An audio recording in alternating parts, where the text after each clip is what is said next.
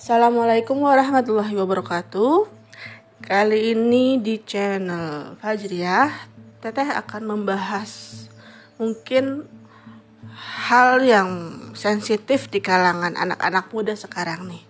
Tapi perlu Teteh kasih tahu, perlu Teteh arahkan mengapa hal ini akan tidak baik atau berdampak baik bagi kehidupan kamu di masa depan nanti bahwa tema teteh kali ini adalah membahas mengenai pacaran. Kenapa pacaran, teh? Apa yang salah dengan pacaran? Baik. Udah kita ketahuin bahwa dari sisi agama, pacaran itu pasti haram, dilarang. Pokoknya nggak mau tahu Islam bilang itu haram tanpa mungkin kita lebih lebih jelasnya kenapa dibilang haram? Apa efek buruknya buat gue? Biasa aja kok. Gue happy happy aja kalau gue pacaran. Gue ada teman gue ada yang bikin gue semangat. Iya.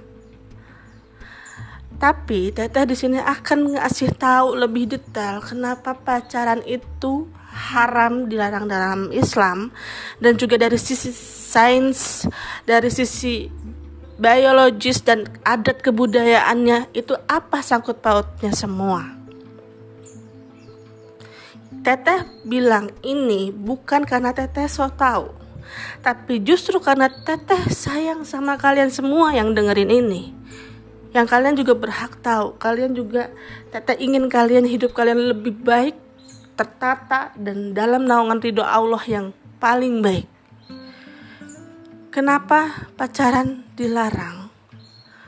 Karena adalah untuk menjaga kalian, marwah kalian, kehormatan kalian, fokus kalian di saat umur kalian masih muda.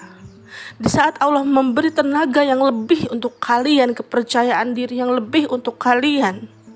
Allah ingin kalian fokus. Allah ingin kalian menjadi bibit-bibit atau tunas-tunas yang benar-benar bisa berbuat banyak hal yang lebih baik dalam hal agama ataupun kemanusiaan yang hal-hal kebaikan. Bukan Islam sangat egois untuk melarang kalian pacaran, tapi justru Islam sangat sayang sama kalian. Islam tidak mau kalian menjadi pemuda-pemuda yang melalaikan masa muda kalian untuk hal yang kurang bermanfaat dan bahkan bisa menjerumuskan kalian. Kenapa? Nih, Teteh kasih contoh. Ketika kamu mulai berkenalan dengan seorang lawan jenis, ini konteksnya uh, saat kalian belum siap untuk menikah ya. Ini saat mungkin kalian berteman atau bagaimana. Nah, dan satu hal lagi, kenapa benteng agama tanaman agama dalam diri ilmu itu harus kuat? Karena untuk menjadi perisai kalian ketika hal-hal yang berkaitan dengan uh, nafsu ataupun secara biologis ketika mengenal lawan jenis itu pasti ada tarikan hormon tertentu yang membuat kalian semakin ingin tahu atau bagaimana lah kalian pun tahu seperti itu. Kalau tidak dibentengi dengan agama itu bisa gawat karena kenapa? Karena berhubungan dengan lawan jenis dalam hal konteks apa pun itu dimulai dari hal terkecil itu akan menarik hal yang lebih besar lagi ke depan. Ya, ngerti maksud teteh? Kalau kalian sudah mulai membuka pintu untuk berpacaran, walaupun misalnya hanya sekedar chat, hanya sekedar lirikan mata ataupun apa pun, itu akan membuka tidak tidak hanya pintu-pintu setan. Setan sangat mudah karena pada dasarnya manusia itu makhluk biologis. Tidak hanya manusia mungkin makhluk hidup lain.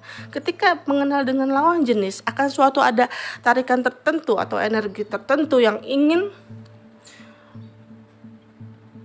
melakukan hal-hal yang lebih itu sudah hukum alam Makanya kenapa Islam membentengi kita, terutama khususnya anak-anak muda, para jombloan dan jomblowati terhormat, ya, untuk bisa terus menanamkan diri pada rel agama yang baik. Itu adalah perisai kita benteng kita.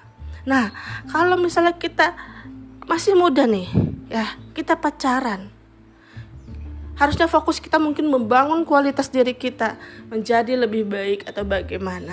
Kita pacaran dengan pasti. Tidak ada tidak ada hal yang mulusnya maslahat itu pacaran. Pasti ada mudarat dan banyak mudaratnya akan sedikit demi sedikit menjerumuskan kita. Hingga di titik terlemah kita kita tidak berdaya dan keluar. Nauzubillah min zalik nah kenapa? Dan ada sangkut pautnya juga dalam hal budaya sosial di masyarakat. Bahwa kalian tahu kalau lawan jenis berduaan di suatu tempat kah atau misalnya di kosan kah atau apa pasti kan ada sentimental masyarakat di situ. Itu akan memberi stigma buruk ke masyarakat sama kalian. Kalian sudah banyak mudorot. Gitu. Nah teteh kasih solusi nih teteh kasih solusi kalian jangan pacaran dengan apa? Dengan mengkualitaskan diri kalian menjadi jauh lebih baik dulu dalam segi hal agama, mungkin pendidikan dan kemapanan karir. Sibukkan dulu. Jika kalian tersentil hati ingin men, apa menyukai seseorang itu hal manusiawi. Tapi ingat rambu-rambu Allah. Ingat aturan Allah. Seperti apa baiknya itu lebih baik buat kalian. Percayalah gak ada sulitnya gak ada apa mengikuti hal-hal dalam jalan Allah. Karena Allah sayang Allah ciptakan Quran Allah buat pedoman Quran agar manusia senantiasa di jalan yang benar. Itu termasuk hal-hal mengenai ilmu tentang pacaran, hubungan antara lawan jenis, Quran situ sudah menjelaskan seperti apa, bagaimana seharusnya harusnya kalian dengar. Sekali lagi bukan karena Quran so tahu, bukan karena Allah so tahu, justru Allah sayang sama kamu. Kalau kamu masih ngelawan, kalau kamu masih istilahnya mungkin membiarkan apa yang teteh bicarakan saat ini,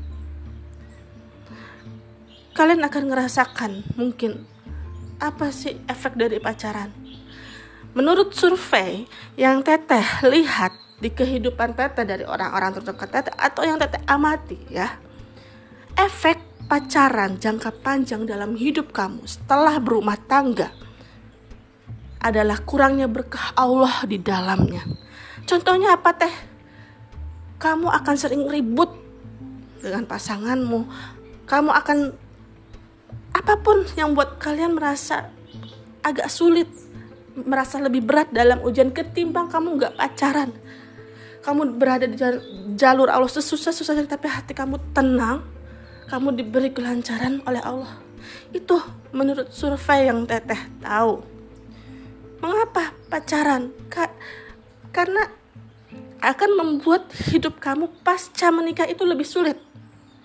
Dengar omongan teteh ya entah itu apalagi kalau orang pacaran itu biasanya gampang mungkin ya sudah tidak tahu uh, punya rambu-rambu agama yang baik ketika mungkin dia nanti sudah berumah tangga atau dari pihak uh, suami atau istri akan mudah terjerumus dalam perselingkuhan.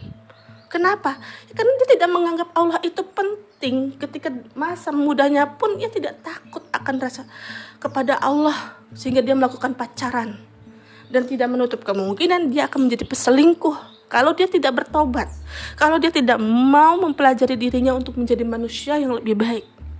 Banyak hal kemudorotan tentang pacaran.